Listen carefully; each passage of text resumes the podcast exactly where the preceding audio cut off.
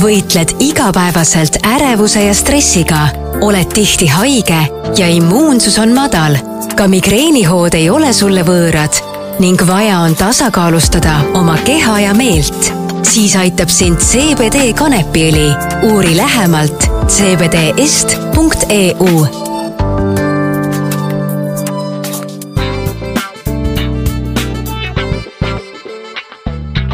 tere, minu nimi on Kristiina Heinmets ja te kuulate ajakirja Eesti Naine podcasti Iga naine on lugu. Tallinn Fashion Week on meil käimas ja täna on stuudios disainer, kes ei ole sellel aastal selle moe, kuidas öelda siis, nädalaga seotud, aga ta on seotud vägagi moega. ma olen temaga kunagi aastaid tagasi teinud intervjuusid, alles siis, kui ta alustas, täna mul on suur respekt ja suur au, et ta siia saatesse tuli. ta on kohe lapse ema ja sellise moebrändi nagu Marimo Fashion disainer. tere tulemast! tere! Väga armas on sind näha ja palju-palju õnne, ma näen, et kohe-kohe on teie kolmas beebi sündimas. teekond on olnud ju selles mõttes võrreldes selle kümne aastaga, millega ma sind viimati intervjueerisin TV3 uudiste jaoks, olnud ju peadpööritav, et ka sinu moemaja on jõudnud ju rahvusvahelisele tasemele, Eestis võib-olla mitte isegi nii palju enam, kui just välismaale suunatud. Jaa, me oleme tegelikult teadlikult võtnud ja mõned aastad tagasi suuna väljapoole. Ja tõesti, et viimase siis äh, natuke enam kui viie aastaga, siis äh, sisuliselt on meie perre tulnud veel kolm äh, väikest last juurde, nii et äh, aeg on peadpööritav olnud tõesti see ongi nagu teekond ju, mida me naistena läbime, et meil on erinevad eluetapid. aga hakkame siis otsast peale seda lõngakera lahti mm -hmm. harutama, et mood on ju Eestis selles mõttes väga hinnatud küll, aga turg on hästi väike. et kuidas sa nagu ise nagu vaatad selle peale, et kuhu on nagu Eesti mood jõudnud, et kas me elame, kas Eesti mood suudab ära elada ainult Eesti turuga või tal on ikkagi vaja kõik saada rahvusvahelisele tasemele? no mina isiklikult tundsingi seda, et ainult Eesti turuga ära elada on tegelikult väga-väga äh, keeruline, sest meil on ähm, väikese turu kohta palju häid disainereid ja tegelikult see ringkond, kes disaintoodet äh, siis äh, saab endale lubada, on tegelikult suhteliselt piiratud. Et äh, aga kui me võtame nagu maailma mastaabis, siis äh, sisuliselt on äh, suhteliselt ütleme, piiramatu hulk inimesi, kelleni on võimalik jõuda, et täna meie siis Marimoga oleme jõudnud üheksateistkümnesse riiki, erinevate naisteni seal, et ja tegelikult vallutada on veel väga-väga palju kuidas see teekond teil algas, sest ma tean, et äh, veel mõned aastad tagasi väga palju disainereid just võttis selle suuna Eestist välja ja tegelikult väga vähestel on see õnnestunud, mhm. üheksateist riiki on ikkagi aukartust äratav number. Jaa, kusjuures need üheksateist riiki hetkel äh, me oleme saavutanud puhtalt läbi siis enda sotsiaalmeedia, läbi enda e-poe et äh, järgmiseks aastaks on meil suund ka edasimüüjatega sellel samal suunal jätkata, aga hetkel siis äh, meie jaoks algas kõik äh, põhimõtteliselt sellest, et me taotlesime EAS-ist eksporditoetuse ja algselt tahtsime minna siis erinevatele messidele, nagu see moemaailmas ikkagi on käinud mm -hmm, aastaid mm. -hmm aga siis tuli koroona. jah, me kõik teame seda. ja siis ei olnud see tegelikult nagu messidel enam võimalik käia ja lõppkokkuvõttes läks isegi meie jaoks väga hästi, selles mõttes, et me muutsime siis oma suunda, panustasime selle äh, toetuse pigem enda sotsiaalmeediakanalitesse ja, ja tegelikult äh, kõik siis õnnestus äh, tänu sellele, et meiega võttis ühendust siis üks noh, tänaseks meie jaoks siis influencer, et ma ise too aeg olin hästi skeptiline influencerite suhtes, et äh, just, et meil on kallis toode, kvaliteettoode, et noh, et kas ikkagi sellele nagu selline nii-öelda influenceri siis reklaam võiks nagu toimida. aga, aga kuna tema ja tellis, siis äh, tema nimi on Anna Pei, ta üle maailma on tuntud, tal on Youtube'is täna üle miljon kolmesaja tuhande jälgija ja, ja ta tellis meilt siis ühe kleidi ja me tegime selle tema mõõtu, saatsime talle selle Šveitsi ja, ja siis ta tegi sellest ähm, postituse nii oma Instagrami kui tegelikult ka Youtube'i ja, ja sealt siis täna tegelikult äh, või noh, sealt siis see nagu too hetk algas ja nüüd me oleme seda siis enda kasuks pööranud niiviisi, et kasutanud sotsiaalmeedias ära neid inimesi, kes toona meie Instagrami kontoga liitusid, me oleme panustanud väga väga palju oma turundusse, et me näitame seal erinevaid viise, kuidas meie rõivaid kanda, meil on see turundusplaan on nagu pikalt ette planeeritud ja, ja nüüd siis järjest need inimesed, kes toona liitusid või nüüd siis juba meie enda sotsiaalmeediakanali pealt nagu liituvad, et siis nad jälle järjest konverteeruvad nii-öelda meie klientideks sa väga hästi nagu rääkisid, kuidas te olete selle mudeli nagu teinud tegelikult ju mõne aastaga ainult, et yeah. nagu sa ütlesid, viis aastat tagasi te alles esimest korda, seda EAS-i taotlust äh, taotlesid. tegelikult isegi see oli kaks tuhat kaheksateist jah. kaks tuhat kaheksateist, veel vähem, et jah. see on ju tegelikult peadpööritav asi, et viia üks selline Eesti tegelikult Eesti disain ju rahvusvahelisele tasemele, kui me mõtleme ka seda Šveitsi, siis Šveitsis on ju väga palju klientuuri, kes just on nagu sellise sustainable äh, fashion'i peale ju suunatud, et just see taaskasutus ja et toode on toodetud sul nagu kvaliteetselt ja kuidas öelda, hea ja õiglase tööjõuga jaa, just, et tegelikult see ongi, mida ma näen, et on ka meie eelis, et kui ma võib-olla aastaid tagasi vahepeal isegi kahtlesin, et ma olen selline hästi klassikalise stiili austaja, sest mulle meeldib kvaliteet ja kvaliteeti ei ole mõtet teha üheks hooajaks. et, ähm, et siis ma isegi mõtlesin, et võib-olla see on halb, et äh, peaks ikkagi tegema midagi, mis hästi silma paistab, aga täna just äh, see sustainability on hästi suur teema, kvaliteet on tegelikult teema ja see nii-öelda ringkond, keda tegelikult meie enda kliendiks tahame, tema tahab kvaliteeti, ta tahab seda toodet aastaid kanda, et ta ei taha seda osta nii, et ta noh, kannab ühe hooaja ja siis viskab selle minema, et selles mõttes on maailm hästi palju muutunud ja see täna nagu toetab seda Marimo klassikalist käekirja. kui sa mõtled ja vaatad tagasi nagu sellele noh, erinevatele etappidele ja asjadele, et kui te nagu alustasite läbi sotsiaalmeedia kaugustesse jõudmist, et mõnes mõttes oli ju koroona hea kõik poed pandi kinni, kõik liikus sinna interneti suunale e, e-poed äh, tõusid nagu lakke, nende müüginumbrid, et see oli mõnes mõttes Eesti jaoks hea, et enam ei vaadatud Euroopa, Eesti tundus üks Euroopa osast ju tegelikult, kui me mõtleme, et üheksateist riiki, see ei müü ainult Euroopas, vaid ka mujale maailma mm. -hmm. tegelikult jaa, ütleme nii, et koroona tegi teatud mõttes selle lihtsamaks, sest et Äh, üle maailma inimesed harjusid e-poodidest rohkem ostma mm -hmm. ja ka sellist kallist toodet, mida võib-olla enne eelistati nii, et sa ikkagi lähed koha peale, sa saad koha peal proovida ja siis sa teed selle tellimuse. aga ma isegi ütleks, et meil eestlased hakkasid äh, selle koroona mõjul nagu tellima online'ist rohkem et selles mõttes ta mõjutas väga palju ja, ja meil läks ka nii hästi, et meil oli e-pood äh, täpselt enne kenasti püsti, kui see koroona peale tuli, et ma tean lihtsalt, et väga paljud hakkasid too hetk ehitama endale, aga me olime selle ära teinud äh, noh, niiviisi kolmveerand aastat umbes varem, eks ju. kui sa alustasid oma moemaja ja oma selle brändiga, mis aasta see oli ja mis on sul esimesed mälestused sellega, sest äh, ma mäletan, kui ma neid esimesi intervjuusid tegin, siis äh, su mõlema oli hästi pisikene selles mõttes ja näha oli, et sul oli veel selline süda väreles sees, et ei tea, kuidas nagu ma hakkama saan, neid esimesi intervjuusid, kui ma tegin, et tänaseks on nagu rõõm näha, et sa oled nii kaugele jõudnud. et mis on su enda mälestused, kui sa selle esimese ruumi endale üürisid ja sinna läksid ja alustasidki siis päris oma brändiga, teadmata ju, kas sa kunagi edu saavutad? Ja ega seda kunagi ei tea, aga unistus oli nii suur, et ikkagi hakkad nagu minema. et aasta oli ja kaks tuhat kümme ja tegelikult ma selle kõrvalt äh, tegin ka palgatööd toona, et äh, no kuna millestki peab ju elama alguses ka, eks. aga mm, ma nagu kunagi ei mõelnud selle peale, et, äh, et et äh, ma ei saavuta midagi. et lihtsalt ma nagu kuidagi step by step olen läinud, et on olnud küll neid etappe vahepeal, et äh, no äkki peaks ära lõpetama, sest et noh, see ei ole kerge valdkond ja just, et kui me rääkisime ka, et Eestis konkurents on väga tihe, et äh, et selles mõttes neid hetki on olnud, aga samas alati on nii, et peale seda rasket hetke tuleb selline nagu tõus jälle ja siis jälle mõtled, ei, ikkagi saab kõigega nagu edasi minna, eks ju. et selles mõttes on olnud selline ütleme nii, et Ameerika mäed mis on olnud võib-olla kõige raskem hetk, mida sa mäletad oma moemaja ehitades, et et sa tundsid, et no nüüd ma enam ei jaksa ja kus sa leidsid selle jõu, et mis oli võib-olla selline edasilükkav ja innustust andev hetk sinu elus? et meil on ju tegelikult tuhandeid noori Eestimaal, kes mõtlevad, et tahaks ise alustada ja nad hüppavad küll sellesse, aga nad ei tea, kuidas edasi saada, et sinul on see teekond mõnes mõttes läbitud, et mis on olnud need hetked ja mis on sulle just jõudu andnud? Mm, ma arvan, väga palju jõudu tegelikult on andnud mulle äh, mu elukaaslane, tänaseks äh, abikaasa, et äh, kuna tema on siis äh, nii-öelda mulle olnud mentoriks algfaasis ja nii me ka tutvusime tegelikult, et mis mõttes mentoriks? et kas oli mingi programm, kus sa siis osalesid või kuidas ta sulle mentoriks siis sattus? Sattus mentoriks tegelikult suhteliselt noh, ma ei saa öelda ka juhuslikult, aga sisuliselt nagu läbi ühe meie sõbra, ühise sõbra,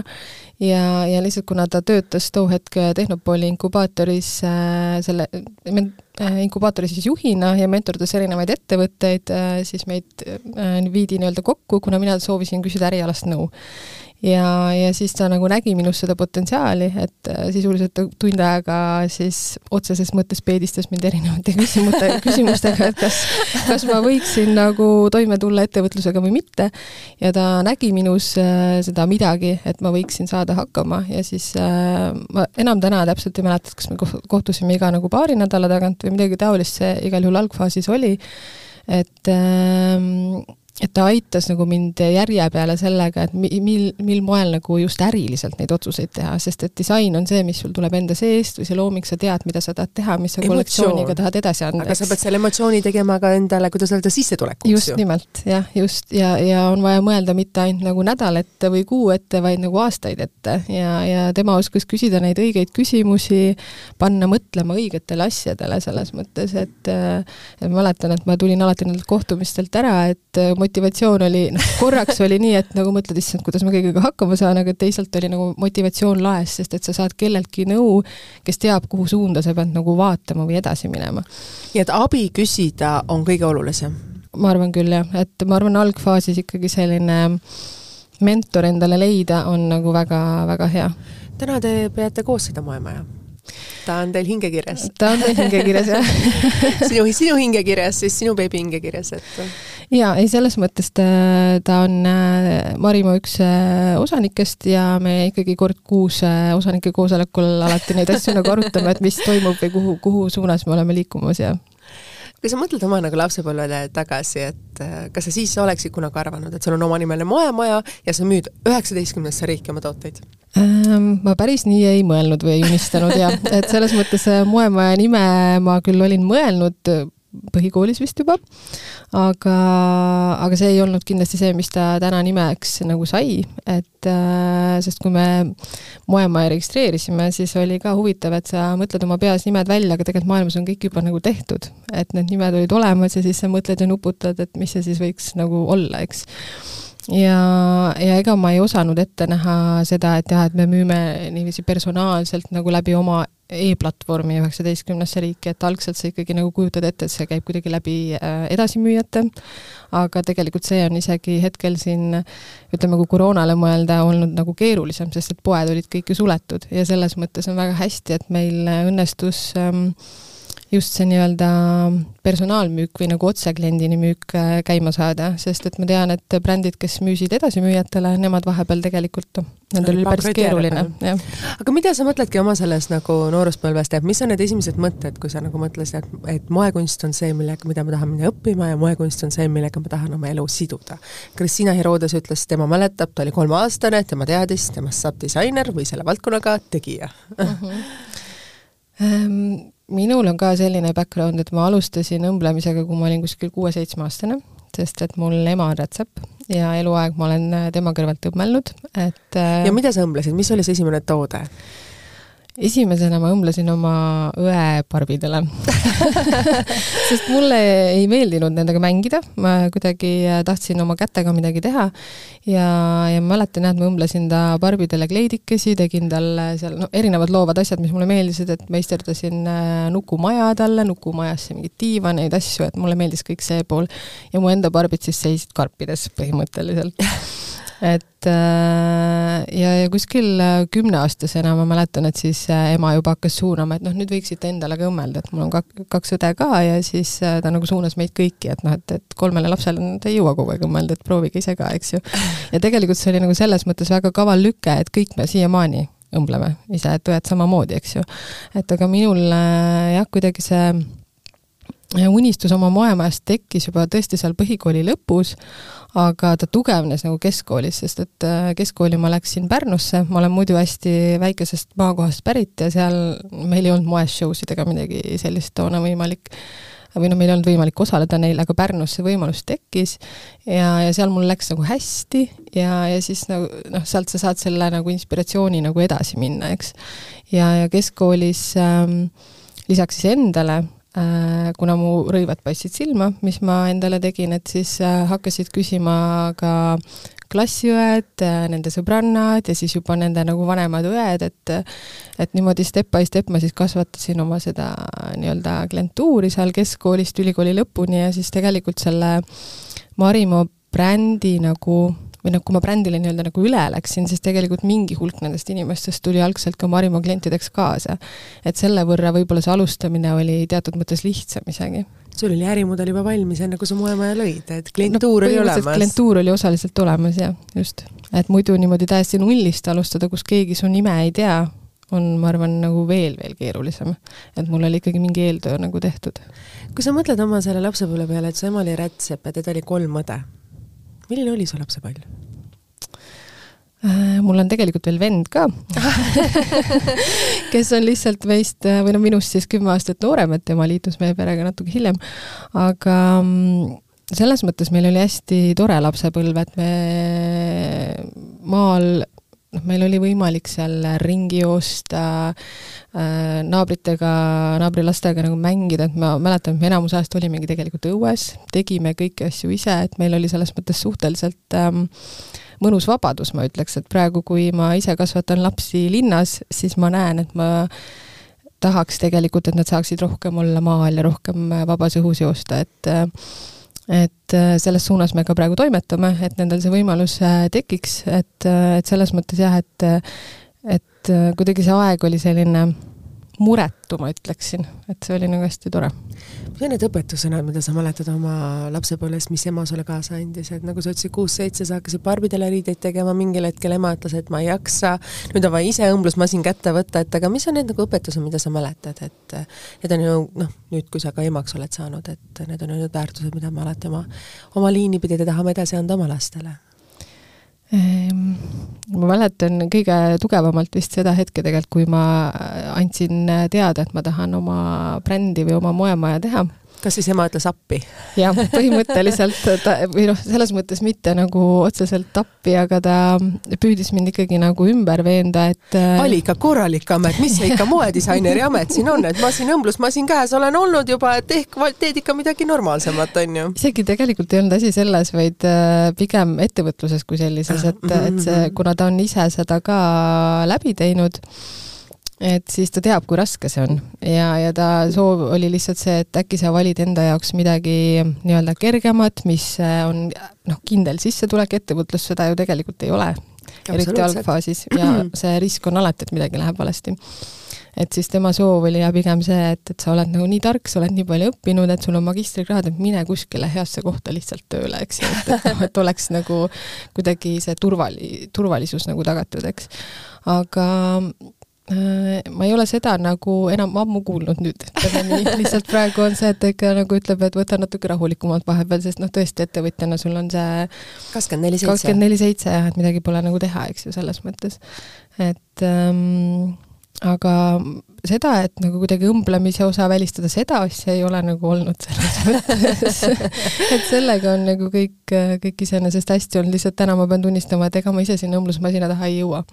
et kõike muud on lihtsalt nii, nii palju et management'i ja disainimist on rohkem, nii et teatud asjad saab edasi delegeerida. jaa, just, et täna meil on ikkagi tiimis äh, neli rätsepkonstruktorit, et selles mõttes äh, noh, ütleme, see vajadus mul endal sinna masina taha jõuda on äh, minimeeritud kui suur on teie aastaeelarve, lihtsalt ma huvi pärast nagu küsin, et äh, moemaja, kes müüb üheksateistkümnesse riiki, et äh, kui suur on teie aastaeelarve? Äh, kas sa mõtled nüüd nagu ähm, no umbes käive või ütleme selles mõttes, et mis teil on, et et tihtipeale inimesed just küsivad, et moedisainer, kuidas ta ennast ära toodab või teeb või et meil on ju olnud ju siin Eestis küll esitletud kollektsioone, mille materjalide hind on olnud ainult sada tuhat äh, eurot või midagi taolist, et jaa, see on see raske valikukoht, et disainerina tegelikult äh, tahaks valida neid kõige kallimaid kangaid, et aga siis tuleb teha neid otsuseid, et ma, ma tõesti alati leian valikutest alati need kõige kallimad üles, siis ma pean ennast nagu korrale kutsuma, et noh, see on ebamõistlik lihtsalt kasutada, sest et tegelikult inimene ei jaksa seda toodet pärast osta. Aga kui rääkida käibest, siis me oleme seal nüüd ähm, ütleme niimoodi kahesaja, kolmesaja tuhande vahel hetkel aastakäibega, et seda aastat veel ei tea täpselt, mis ta kokku tuleb, aga et seal me oleme nagu eelnevad paar aastat äh, olnud. see on ju selles mõttes päris suur äh, ettevõtmine moedisainis, et sa pead ikka väga palju kleite tegema. jaa, absoluutselt. Et äh, muidugi võib-olla mõnevõrra vähem kui äh,, kui äh, need brändid, kellel on tooted odavamad, eks, aga, aga siiski jah, et selles mõttes see äh, turundus ja müük on see, kuhu tuleb hästi-hästi palju tähelepanu nagu pöörata, et et selles mõttes ja iga klient, kes meieni jõuab, on hästi suur väärtus meie jaoks ja, ja sellepärast me ka väga personaalselt klientidega suhtleme ja väga hoiame neid, sest et äh, ongi, et, et meie, me oleme ikkagi nagu maailma mastaabis väike moemaja ja iga, iga klient on meie jaoks hästi-hästi suure väärtusega. meil oli just, oli Pariisi moenädalal esitleti kleiti, kus siis Bella, see Bella Hadid oli keset siis moelava, kõik influencerid istusid ümber, kihistasid naerda, kuidas siis põhimõtteliselt paljas modell seisis kedas, keset seda ruumi ja talle spreiti siis kleit selga, mis siis pärast lõigati talle mm -hmm. veel nagu parajamaks paremaks, et kas mood on siis sinnapoole liikumas? No ma arvan, et neid muutuseid tuleb äh, moemaailmas kindlasti päris palju, et äh, lisaks sellele, et see spreitamine seal laval nii-öelda kõigile avalikuks sai, et siis tegelikult ju ka 3D printeriga prinditakse teatud asju. et äh, me oleme seda abikaasaga arutanud, et eks ühel hetkel ilmselt võib-olla isegi tähtsamaks muutubki see nii-öelda disaini aspekt, et, et võib-olla ongi tulevikus võimalik kõike nagu meil printida või et noh, keegi ei peagi neid asju õmblema enam reaalselt. aga, aga hetkel tundub see veel natukene selline ütleme, tulevik, et äh, aga, aga samas on äh, noh, midagi kindlasti muutub, sest hetkel on äh, näha, et äh, ütleme, sellises sektoris, kus mina olen oma sellise eksklusiivse nišitootega, et on tegelikult väga raske leida häid rätsepaid, et äh, ei tule nagu noori nii palju peale. ja, ja see, kui see kvaliteeditase on nii kõrge, et siis lihtsalt seda on äh, selleks on vaja kogemust ja seda on nagu raske ainult koolis nagu ära õppida, et äh, mina ise ju õppisin seda tegelikult noh, alates kuueaastasest, eks ju, et, et siis sul on see tase nagu jõuabki selleks ajaks, kui sa alustad sinnamaale. aga kui sa ainult õpid ülikoolis või, või kõrgkoolis kuskil seda mõned aastad, et siis tegelikult sa pead natuke aega harjutama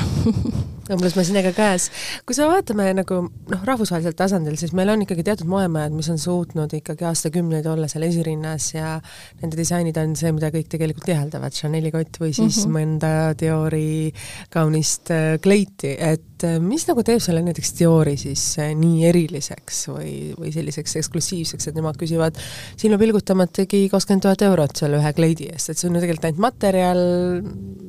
kust see hind siis niimoodi selliselt tuleb? no selliste moemajade puhul äh, tegelikult peab ütlema, et nad küsivad seda hinda pigem selle brändi eest, mitte nagu üldse selle toote eest. ja eks seal on see tugev ajalugu taga lihtsalt, et äh, ütleme, et kui nemad alustasid siin ju äh, olenevalt nüüd nendest erinevatest moemajadest, aga ikkagi siin sada või, või viiskümmend aastat tagasi, eks ju, et nendel on olnud nagu meiega võrreldes tohutu eelis, eks ju, kuhu nad tänaseks on jõudnud et aga meil ka vahel nagu küsitakse, et noh, et, et okei okay,, et teie kleit maksab kaks tuhat eurot, on ju, et miks ma peaks maksma sellise summa, et kui ma võin juba minna Chanel'i ostma. no ma muidugi ütlen, et Chanel'i sa kahe tuhande euro eest tegelikult ei saa, eks ju et võib-olla saad väikese siidipluusikese selle hinna eest, aga aga, aga see erinevus ongi see, et nende suurte brändide puhul ongi see bränding ja nimi, mille eest inimene maksab, tegelikult see toode võib-olla toodetaksegi Hiinas või kuskil Aasias, aga meie puhul on see ikkagi reaalne materjal, reaalne töökulu, mis sinna läheb, et see on selle toote reaalne hind, et see ei ole nii, et on lambist ja õhust võetud.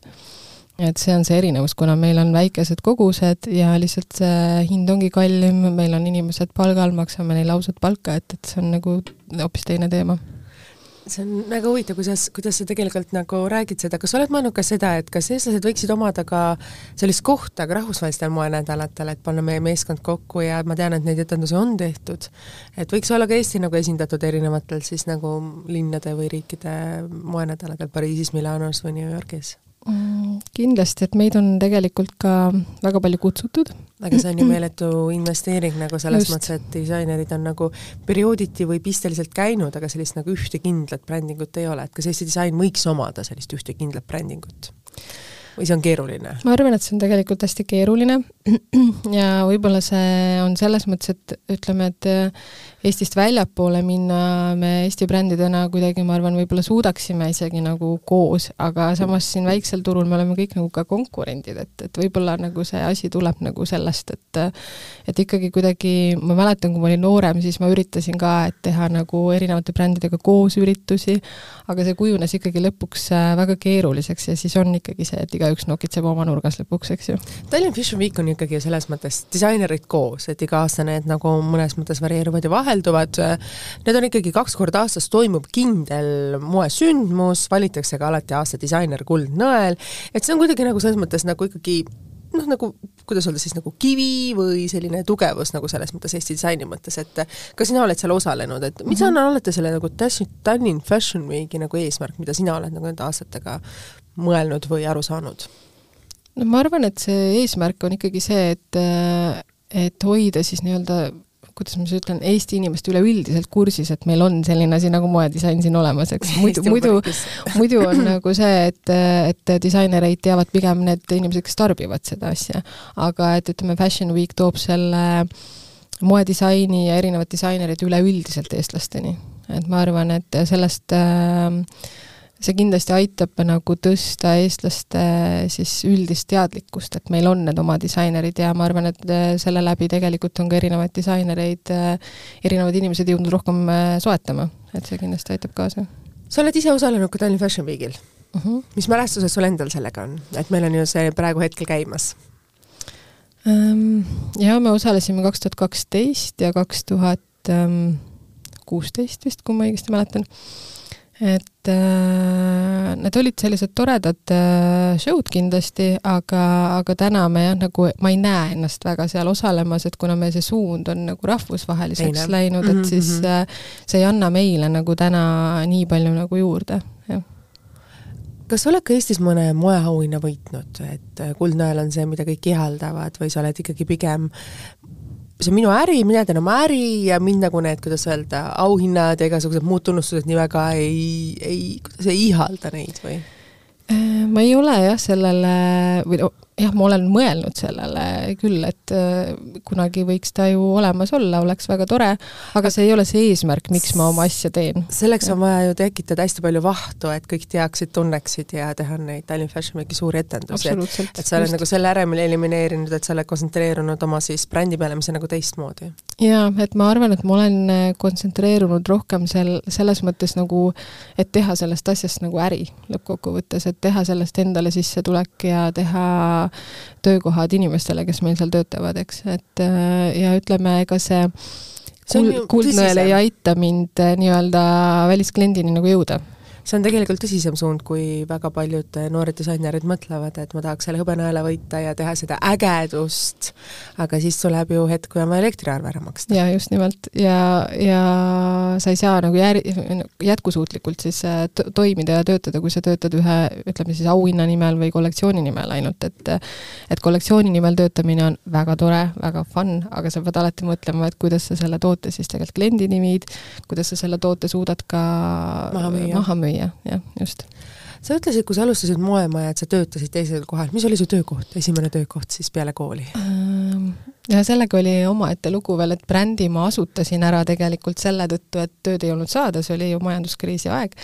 ja ma mäletan väga selgelt, kuidas ma käisin erinevatel intervjuudel, igal pool olin sellise kahe parima kandidaadi seas, aga valiti inimene, kellel oli kümme aastat töökogemust, et äh, ei saa nagu süüdistada ka tööandjaid, eks ju, selles valikus. aga siis äh, jaa, natukene aega sealt edasi, siis äh, ma läksin tööle tegelikult Eesti Kunstiakadeemiasse ja, ja töötasin seal siis algul tekstiiliosakonnas ja hiljem siis ühe rahvusvahelise moeprojekti juhina äh, paar aastat, et vist kaks tuhat kolmteist lõpuni, ma arvan, ja kaks tuhat neliteist enam, enam mitte. see tõi sulle leiva lauale ja samal ajal sa arendasid oma siis äh,, oma brändi? jah, just. see oli küll, see oli raske aeg selles mõttes jah, et ähm, et äh, tegelikult äh, no ma nägin ka peale seda, kui ma ikkagi selle palgatöö nii-öelda ära lõpetasin, et bränd hakkas hoopis jõulisemalt kasvama, sest sa saad äh, keskenduda ainult sellele asjale, aga samal ajal see risk on eks ikkagi suur, et kui sa pead kuidagi ära majandama oma korteriüürid, asjad ära maksma, et siis tuleb ju kuidagi nagu hakkama saada. et sul on kaks väikest last. ja viimase viie aasta jooksul, nagu sa mainisid, on nad ilmavalgust näinud ja kohe näeb kolmas, et kuidas sa kõike seda suudad naisena ära delegeerida, et see on ju meeletult palju asju laual? lasteaiad, treeningud, kohe tuleb uuesti beebi, mis vanker, kuidas me vannitame, mismoodi hakkab see toitmine olema, et kuidas sa nagu sellega oled ise hakkama saanud? Ma mäletan seda hetke, et kui, kui me saime teada, et et meie perre siis tuleb esimene beebi, see oli päris ärev moment, et, et mõelda läbi, et kuidas see kõik hakkab toimima. Ja ja eks äh, kogenumad naised kõrvalt ütlesid ka, et noh, ei tea, et sa pead ikkagi võtma kolm kuud aja maha ja beebiga ainult olema, ja samal ajal minul oli peas ainult see mõte, et ma olen oma brändi nii kaua ehitanud, et mis siis nüüd edasi saab, et ma ei saa seda ju noh, nii-öelda üle parda nagu visata ja kolm kuud ei saa endale lubada. No meil oli kuidagi nii, et kuna tähtaeg sattus sinna detsembri lõppu ja jaanuari alguses äh, hakkas äh, noh, nüüd paar aastat ei ole olnud, aga too hetk oli see presidendi vastuvõtu teema, siis ma teadsin, mis mind tegelikult teisest jaanuarist alates ootab ja siis ma pidasin oma kõhubeebiga läbirääkimisi pikalt, et äh, oleks vaja seal sündida too hetk ja, ja, ja ta sündiski kenasti kakskümmend kaheksa detsember ja teisel jaanuaril me läksimegi koos tööle. ja ega ma tegelikult ei äh, teadnud, mis mind täpselt ees ootab, aga ma kuidagi olin valmistanud ennast ette, et ma pean nagu nende mõlemi asjaga hakkama saama ja, ja selles mõttes äh, meil algul oli ka tõesti abiks lapsehoidja esimese lapsega, et see võttis kindlasti teatud mõttes seda pinget nagu maha, et ma sain teda ikkagi anda äh, mingiteks hetkedeks, kui ma olin kliendiga nii-öelda nagu hoida et ähm, aga see on olnud selline protsess, et kus sa nagu mõtled äh,, ajas nagu näed, kuidas sa saad selle toimima. et äh, ei saa ette mõelda pikalt? tegelikult ei saa, sest et lastega kõik muutub äh, iga päev põhimõtteliselt, eriti kui nad on väikesed beebid. ja, ja teiseks ma tunnen kuidagi, et äh, isegi kui ma algul mõtlesin, et kuidas ma saan selle klappima, siis tegelikult äh, lapsed selles mõttes on Mm, kuidagi pannud teistmoodi mõtlema, et varem ma võisin kakskümmend neli seitse töö juures olla, et äh, aga siis ikkagi tekkis see, et ma pean minema koju, sest et seal on inimesed, kes mind ka vajavad. ja, ja teiseks kuidagi neid otsuseid, mis on vaja teha, et ma olen õppinud tegema palju kiiremini, palju Äh, noh, kompaktsemalt. kuidagi jah, just, et, et selles mõttes, et ma ei, mul ei ole seda aega enam vaagida väga palju, et kas, kas nii või sinnapoole või tänna, sinnapoole, et, et ühesõnaga lihtsalt tuleb ära otsustada ja edasi minna, sest et äh, sa tead, et sul nagu see töötundide arv saab otsa ja siis sa pead tegelema oma perega. et ma olen seda püüdnud hästi niimoodi sättida ja, ja tegelikult siis äh, isegi lapse sünniga ma tundsin, et ma hakkasin rohkem võtma aega enda ja enda hobide jaoks, et äh, töö kõrvalt ma kuidagi nagu tubli, kadusin sinna ära hästi tubli, sest noh, sest kui sa iseenda ära kaotad kõikides nendesse detailidesse, siis mingil hetkel jookseb ju kõik kokku. just, ja tegelikult siis sa ei suuda teha enam õigeid otsuseid ka. absoluutselt. et, et see kõik nagu selles mõttes äh, on hästi palju mulle nagu isegi pigem nagu positiivset andnud, et meil on nagu nagu perre äh, lapsed niiviisi tulnud, et ähm, ma jah, isegi naersin, et oma esimese poolmaratoni, mida ma olin mõelnud ja unistanud, et ma tahan joosta kunagi, jooksin ma siis, kui beebi oli üheksakuune. Wow.. et, et selles mõttes, et siis ma võtsin ennast nagu reaalselt kokku ja hakkasin trenni tegema. sest see on jälle see hetk, kus sul äh, jooksmine minu jaoks vähemalt see kuidagi, ma saan ennast laadida, ma saan energiat sellest ja samas ma maandan oma stressi sellega, et, et see on hästi vajalik. Kui palju su abikaasa sind aitab, sest kõik, et sellega hakkama saada, sul peab olema väga suur tagala ja tugivõrgustik, sest muidu me naistena ei suuda nende detailidega hakkama saada, eriti kui on väiksed lapsed, sest noh, on kriitilisi hetki. on, väga, neid ikka tuleb ette, aga abikaasa on väga toeks olnud lastega, selles mõttes, et ähm, et äh, peale teise lapse sündi küll oli nagu üks moment, kus ma tundsin, et ma võtsin ka liiga palju enda peale et ma ei andnud nagu ise mõista, et, äh, et oleks võib-olla siis rohkem vaja abi. Ja, ja siis ma mäletan jah, et beebi oli neljakuune, me olime sinnamaale iga päev käinud koos tööl ja kui tema siis päeval ei lasknud teha, siis ma õhtul avasin arvuti, hakkasin veel edasi tegema ja, ja tegelikult lõpuks sa ei jaksa, sest et sa oled öösiti üleval, imetad ja nii edasi, et, et, et selles mõttes äh, siis ma tundsin küll, et okei okay,, nüüd ma pean abi küsima ja siis äh, ta ütles ka kõrvalt, miks sa seda varem ei teinud nagu, sest tema, noh, tegelikult teised ei oska seda näha, sest tundub, et sa saad kõigega ju väga hästi hakkama ja kõik on nagu suurepärane. Et aga tänaseks me oleme jah tekitanud nagu suurema tugivõrgustiku endale selles mõttes, et me mingile maale olime kahekesi hästi tublid ja tugevad, et me saame hakkama, tuleme toime kõigega kahekesi, aga nüüd meil ikkagi ja tõesti vanaemad, vanaisad aitavad nagu ühelt ja teiselt poolt rohkem ja, ja, ja tädid, onud samamoodi. kui armas, tegelikult ongi, et kui kaks last on, siis kahes suunas saavad kaks vanemat joosta. aga kui on kolm siis jääb käsi puudu juba. täpselt, siis jääb juba, kuidas öelda, jooksmisvõimalusi puudu, et siis on vaja kindlalt nagu abijõusid. just, ja, ja lisaks on see, et äh, suuremad lapsed käivad, eks äh, juba lasteaedades mm., hoidudes, äh, samas äh, nüüd kõige vanem laps siis hakkas meil käima ka erinevates huvikoolides. palju õnne!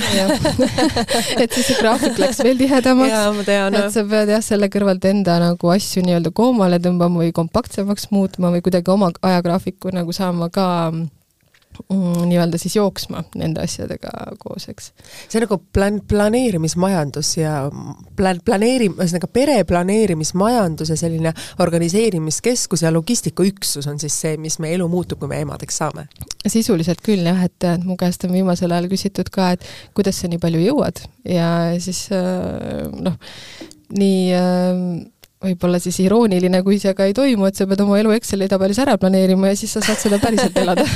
absoluutselt aga, aga see võtab stressi maha tegelikult. absoluutselt. et kui on... sul on plaanitud, siis noh see on ka tegelikult turvatunde loomine ju oma lastele, et läbi rutiini ja sellise tava, tavategevuse, kindlate tegevuste, mis lapsed teavad juba ette, mis on neil tulemas, on ju esimene psühholoogiline, kuidas öelda, arusaam, et see on ju lastele turvatunde tekitamine ka iseendale, et sul on kindlad plaanid, kindlad asjad, et sa ei ela kaoses ja sul ei ole segadust. jah, absoluutselt, et ja nendel tekib see nii-öelda rutiin, et ta juba harjub ära, et mul on, näed, täna on mul selline päev, täna on mul selline päev. et ma just äh, naersin äh, paar päeva tagasi siis meie tütart, kes äh, käis kahes trennis samal õhtul ja, ja siis õhtul sööb laua taga ja nõjatab niiviisi nagu ühele, käega ühele põsele, et nii väsitav päev oli. Et siis mõtled, et äh, jah, et juba nagu, nagu noor täiskasvanu põhimõtteliselt, aga samas on äh, talle nii meeldivad need tegevused, mis ta teeb ja me tahtsime nagu pakkuda talle võimalust, et ta saab ise siis lõpuks valida, mida ta siis noh, nii-öelda jätkuvalt tahab teha, aga hetkel ta saab siis proovida neid asju. ongi, et vanematena sa ikka ju tahad oma lastele parimat ja anda talle parima stardi ja sellise kaasa need võimalused, et ta saaks ise otsustada, mis on nagu, mis on nagu oluline tema jaoks. absoluutselt ja, ja see on, kui sa enne küsisid, et mis ma olen nii-öelda kodust nagu kaasa saanud las-, laste kasvatamise Täpselt. mõttes, et see on üks asi kindlasti, mis on tulnud tegelikult äh, mul äh, enda perekonnast mm, -hmm. et äh, minul lasti ka kõike proovida. see on nii oluline. jah, et, et ja siis ma sain ise oma valiku teha, see valik muidugi pärast on hästi keeruline teha, kui sa oled kõiges äh, nagu hea, hea. et, et minul oli ka nii, et ma käisin noh, muusikakoolis äh,, folkloori-rühmas, tantsimas, võistlustantsus äh,, sporti tegin väga palju, et et siis lõpuks tekib neid asju nii palju, mille vahel sa pead valima ja see on nagu raske, aga samas sul vähemalt on valikut võimalik võimalik teha, et see on nagu pigem parem. ta õpetab sulle lapsena distsipliini, sest kui sul ei ole distsipliini ja sa ei oska oma aega, ei õpi juba väiksest madalast jagada, nagu sa tütar ütles, et mul oli nii raske päev uh -huh. viieaastasena uh, -huh. siis kui ta viieaastasena seda ei õpi, siis kahekümne viieaastaselt ta ei oska oma ettevõtet luua, sest ta ei tea, mis on distsipliin ja oskus panustada sellesse järk-järgulisse süst-, süsteemi jaa, et sellega ma olen väga nõus, et ma arvan ka, et see on nagu tulnudki juba sealt lapsepõlvest, et ma olen pidanud kõike planeerima mm. -hmm. ja, ja teisalt äh, ka see, et äh, äh, mida ma nagu ise näen võib-olla võrreldes äh, linnas kasvanud äh, inimestega mm, -hmm. et mhm. meil oli äh,, meil lihtsalt ei olnud võimalik maal minna keskkooli ja ma pidin kodust ära kolima, kui ma olin viisteist, mis tähendas ka seda, et sa pead hakkama sisuliselt oma finantse planeerima. et vanemad loomulikult toetasid, aga sulle antakse ikkagi mingisugune eelarve, millega sa pead nagu hakkama saama. ja see õpetas selles mõttes ka jälle väga palju. sa väga ilusasti rääkisid, sa olid viisteist, sul olid ambitsioonid sa ei jäänud väikesesse maakohta, vaid kolisid üksi ära, võtsid selle vastutuse, mida sa mäletad sellest ajast ise? See oli äh,, ma no,, ise ütleks, pead et... ennast hommikul sundima, et üles ärgata, ise pead ennast sundima, et sa õpid kooliks ära, ise pead sundima, et su hambad oleksid pestud, juuksed kammitud ja riided pestud seljas. See osa tegelikult isegi ei olnudki raske, kuidagi me kasvasime selles mõttes teatud mõttes ka ise või noh, meid kasvatati nii, et me pidime seal kodus elades ka niiviisi hakkama saama, aga raskem osa oli see, et meil oli väga selline ühtne perekond, suur pere ja ära kolida sealt niiviisi, et sa pead olema üksinda, on väga raske. et ja kuna ma olen oma iseloomult pigem selline kinnisem inimene olnud, just eriti nagu nooruspõlves, siis see tegelikult oli päris, päris raske. mis sind aitas? ähm,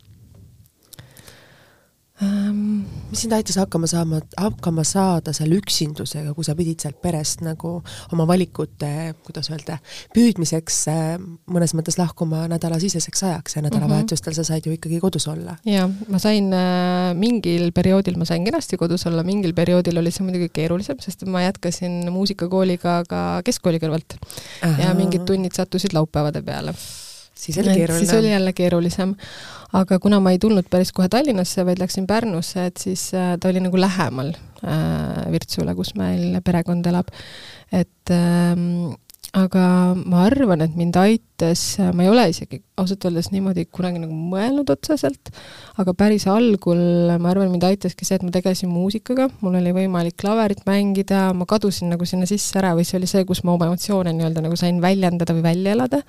ja, ja teine asi see, et ühel hetkel ikkagi see läheb kõik lihtsamaks, sest sul tekivad oma sõbrad, omad inimesed sinna ja siis on juba kõik väga chill. aga tegelikult see on ju ka noorele inimesele vastutuse andmine, et sa kas ujud sellena võitjana välja või sa või siis olla lange taga selles mõttes natukene teiste detailide küüsi, et eh, kui sa ise ei suuda ennast distsiplineerida, siis ikkagi need ahvatlused ja viieteist-kuueteistaastase tütarlapse jaoks on ikka väga suured. absoluutselt, et selles mõttes muidugi respekt vanematele, et see usaldus oli nagu nii suur, aga, aga noh, teisalt ma mõtlen, et ega nagu midagi suurt väga teha ka ei olnud, sest et äh, meil oleks olnud äh, jah, variant Virtsust minna Lihula keskkooli, mis on kakskümmend viis kilomeetrit ja sealt äh, käis nagu koolibuss toona ka, aga see ei olnud äh, kuidagi mina tundsin, et see ei ole päris minu jaoks ja ma tahtsin minna teise kooli ja ma ikkagi lõpuks äh, maandusin äh, Pärnus äh, Koidula gümnaasiumis äh, füüsika-matemaatika süvaklassis, eks ju wow. et äh, ja nüüd on moedisain, et kuidas need nagu omavahel nagu seotud on, palju sa neid füüsikaliseid valemeid on täna sul igapäevaselt vaja kasutada? Äh, no füüsikalisi neid valemeid otseselt ei ole igapäevaselt vaja, aga samas äh, ma arvan, et see matemaatika-füüsikaklass äh, andis mulle ikkagi selle loogilise mõtlemise ja selle tausta mm, -hmm. et äh, ja tegelikult on ka ju teaduslikult tõestatud, et ka muusika ja matemaatika on omavahel väga seotud. Ja, ja, ja samas muusika on nagu loominguga väga seotud, et selles mõttes need kõik asjad on lõpuks nagu niisugune sümbioos ja ma arvan, et see just, ja see taust ilmselt annabki selle Mm, et kuhu, kuhu ma olen siis tänaseks nagu jõudnud. et, et ainult see nii-öelda kunsti õppimine kindlasti üksi seda ei, ei oleks nagu, ma arvan, andnud, et siis võib-olla oleks vaja, loominguga tegeleks ise ja siis oleks vaja kõrvale võtta see tegevjuht, kes tegeleb muude asjadega. Mis tegelikult väga paljude disainerite puhul ongi nii, et nad on erakordselt loomingulised, meeletu sellise loomisvõimega, aga just sellise finantsilise poole tegemine on nagu keeruline, aga noh, sinul on nagu, sa oled suutnud seda kõike two-in-one teha või kuidas öelda, kasutada seda asja. jah, ja ma samas arvan ka, et väikeses moemajas ilmselt on raske ka kohe võtta seda tegevjuhti, sest et sul ei ole tegelikult selleks neid samu finantse. absoluutselt ja, ja selles suhtes kuskilt peab ju alustama, et, et muidugi ma mõtlen ja unistan ka, et tulevikus miks mitte, et saaks anda mingisugused ülesanded selles mõttes ettevõtte juhtimise kontekstis kellelegi ikkagi üle. kui sa jõudsid nüüd Tallinnasse mm -hmm. moedisaini õppima siis see oli omamoodi ju mõnes mõttes puuga pähe saamine, et Tallinn on ju veel kardinaalselt võrreldes Pärnu on ikkagi selline turvaline, tore nagu südamlik linn. jaa, ta ja oli Tallinn lõpuks ikkagi, väga turvaline, jah Tallinn on ikkagi nagu tramm ja et selle Tallinna eluga harjumine natukene võttis kindlasti aega, sest siin on elutempo palju kiirem, et Pärnu on just kuidagi nagu aeglane, väike, armas linnakene tegelikult. täpselt, täpselt, et aga samas muidugi jälle, kui sa siin oled ja siis maailmas ringi käid, et siis noh, New Yorgiga ei ole võimalik võrrelda, eks ju Tallinn on jälle puhkekoht, on ju. täpselt, just. et äh, aga algul ta oli äh, kindlasti äh, võõras, sest et ma sattusin algul ka kooli kõrvalt elama Lasnamäele, mis võib-olla ei oleks nagu noh, täna kindlasti esimene valik, aga noh, toona nii nagu oli. et ähm, aga ma ei tea, siis ma keskendusin kuidagi koolile ja tegelikult äh, ma ei sattunud õppima moedisaini, sest et ma tahtsin minna väga EKA-sse, aga ma ei saanud sinna sisse too aasta. ja, ja ma läksin tegelikult TTÜ-sse tekstiili- ja rõivatehnoloogiat õppima. nii et äh, et sealt on ka, ütleme, tulnud see, ma täna nagu olen hästi õn-, õnnelik tegelikult, et nii läks, selles mõttes, et äh, et ma õppisin väga tugevalt äh, rõivaste konstrueerimise, modelleerimise baasi äh, endale juurde ja ja et kui ma enne olin teinud nagu rõivaid niiviisi, et ma oma loogika järgi neid lõikeid asju tegin, siis tegelikult seal ma õppisin, kuidas neid päriselt siis tegema peab. ja, ja tänaseks on see hästi tugev äh, baas selles mõttes nii kasuks tulnud, et tänu sellele me oleme saanud oma äh, made to measure äh, teenuse viia tegelikult online'i, et ma arvan, muul juhul see ei oleks väga võimalik, kui disaineril ei ole seda know-how'd, et kuidas tegelikult neid tooteid tuleb äh, teha. Ja oleks väga raske aru saada oma rätsepate ja ja konstruktorite tiimist, et kui sa ei oska tegelikult kaasa rääkida või, või noh, et sa ei oska nende küsimustele vastata või nendega koos arutleda seda, et see on hästi-hästi vajalik kui kerge või raske on olla siis moemaja juht ja neid asju edasi delegeerida just see, et nüüd tuleb nii teha, nii teha, kui sa ise just õmblusmasina taha ei istu mm,? ma arvan, delegeerimine oli üks äh, minu selline mm, võib-olla selliseid asju, mida mul oli kõige raskem õppida, sest kuna ma olen harjunud hästi ise tegema, siis äh, jah, kuidagi see, et sa pead andma edasi asjad, sa pead looma süsteemid ja sa pead neid süsteeme looma ja äh, nagu ka timmima kogu aeg jätkusuutlikult, et selles mõttes, kuna ettevõte suureneb, siis ka süsteemid muutuvad. et, äh, et see on kindlasti olnud selline korralik äh, väljakutse, aga step by step ma olen sellega toimetanud ja, ja praeguseks ma arvan, nagu iga päevaga jõuame järjest paremasse kohta selles osas, et, et nii nagu koduses majapidamises, siis ka väga paljud ettevõtte asjad on ikkagi Exceli tabelis et nad oleksid nagu kaardistatud ja, ja, ja kõigile nagu leitavad, et kogu tiim peab ju kursis olema, mis meil toimub, et et algselt, kui ma alustasin ja üksinda tegin, siis on väga tore, sul on väga paljud asjad oma peas, aga kui teised vastutavad teatud aspektide eest või teatud nii-öelda ülesannete eest, siis tegelikult need peavad olema kõigile äh, nii-öelda nähtavas kohas siis olemas ja, ja need ideed peavad minu seest olema nagu välja öeldud, eks, et muidu ei saa tegelikult ju asjadega edasi minna. kuidas need kaks Exceli tabelit ühilduvad siis, et üks on ettevõtte jaoks ja teine on siis eh, emaks olemise logistika, et kuidas, kas sa ka neid kohtumisi selles mõttes eh, manageerid nagu kokku või sul on, ongi konkreetselt vanas ja vanaema, kes sind aitavad siis lapsi tuua, tuua ja viia nagu rohkem, sest noh, ikkagi see logistiline mm. muudatuste pagas, mis võib hommikul öelda, et kõik su päevaplaan on ümber muudetud, sest eh, mingid trennid jäid ära, mingid mingid asjad muudetud, muutusid ja siis on veel, et lapsel on hoopis nüüd äh, peavalu ja ta ei saagi lasteaeda minna Neid, neid erinevaid hetki tuleb ette jah, et see, et lapsed jäävad haigeks, seda on väikestega kahjuks äh, päris tihti tuleb mm -hmm. ette, aga mm, mul ikkagi on hoitud nii, et, äh, et et üks on nagu töö Exceli tabel või, või siis need Exceli tabelid ja teised on siis kodu omad ja kodu omad. Neid ei ühilda? Neid, neid ei ühilda, et küll kalendris äh, jah, mida ma jagan oma siis äh, äh, tiimiga, siis seal on küll äh, olemas ka need hetked, et kus Mari-Liis ongi reaalselt lapsega huviringis või, või et nagu kuskil eemal, eks ju. et nad teavad, et siis sinna nagu ei planeeri näiteks mingit kliendi kohtumist mulle, eks ju, et, et nad oskavad nagu arvestada selle minu ajaplaaniga ka. aga, aga mis on armastus? Oh, väga raske küsimus. kas armastus on töö, armastus on abikaasa, armastus on lapsed, armastus on elu? no ma arvan, kõik need asjad, et kui sa tahad neid hästi teha, sa pead kõiki neid asju armastama, et äh, et selles mõttes äh, ma ei kujutaks ette, et ma teen tööd, mis, mis mulle ei meeldi või mida ma ei armasta, et ma ei näe ennast täna, et ma töötaksin kontoris kaheksast viieni. kuigi ma olen mõelnud, et kui kõik peaks ühel hetkel minemagi täiesti valesti, siis äh, kogemusi on nii palju ja nii paljudes eri valdkondades, et kindlasti nagu mida iganes võiks teha aga, aga ma arvan, et kuidagi mm, jah, nagu kui me võtame nagu äh, suhte mõttes, siis armastus on selline usaldus ja austus ja kõik, et et algul tekib selline kiindumus ja see armumine, et see on väga tore faas, aga lõpuks, et kui sa nagu elad koos ja seda elu koos rajad, et siis sul peab olema inimesega samad väärtused. usaldus, samad väärtused ja sa pead saama rääkida, minu jaoks vähemalt on see nagu hästi tähtis, et et äh, meil on küll Raidoga nii, et me saame nagu noh, põhimõtteliselt kõikidest asjadest rääkida, see on algusest peale nii olnud ja see on, ma ei kujutaks teistmoodi ette, et äh, et eriti, kui sul on veel lapsed ja sa pead äh, kõike manageerima nendega ja et sa pead saama jagada selle inimesega, sa pead saama jagada ka seda, kui sul on raske või mingi mure, et mitte ainult siis, kui kõik on hästi. Ja, ja tegelikult lastega on sama, et nad peavad sind äh, õppima ju usaldama, et äh, ikka mõtled ette, et huvitav, et kui ta on teismeline, paugutab uksi, et kas ta minuga siis räägib, et siis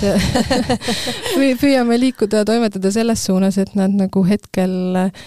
et nad tunneksid ennast turvaliselt, et nad julgeksid praegu meile rääkida, et siis on lootust, et nad julgevad ka tulevikus seda teha, eks, et mis on su suurim unistus, kui sa istud täna siin stuudios, uksest välja lähed, kohe on küll sündimas kolmas beebi, aga mis on sinu suurim unistus praegusel hetkel? Ehm, hetkel ma arvan, minu suurim unistus on see, et me saaksime oma maja valmis ja kolida linnast eh, eemale, et lastel oleks seal eh, mõnusam olla ja et endal oleks seda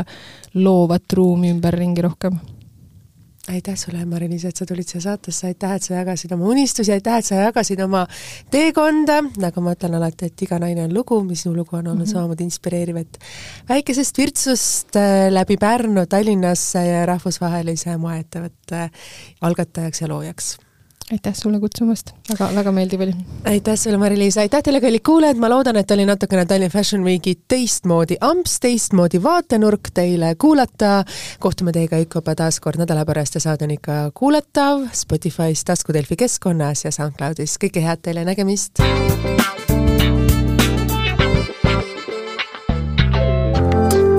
võitled igapäevaselt ärevuse ja stressiga, oled tihti haige ja immuunsus on madal. ka migreenihood ei ole sulle võõrad ning vaja on tasakaalustada oma keha ja meelt. siis aitab sind CBD kanepiõli. uuri lähemalt cbdest.eu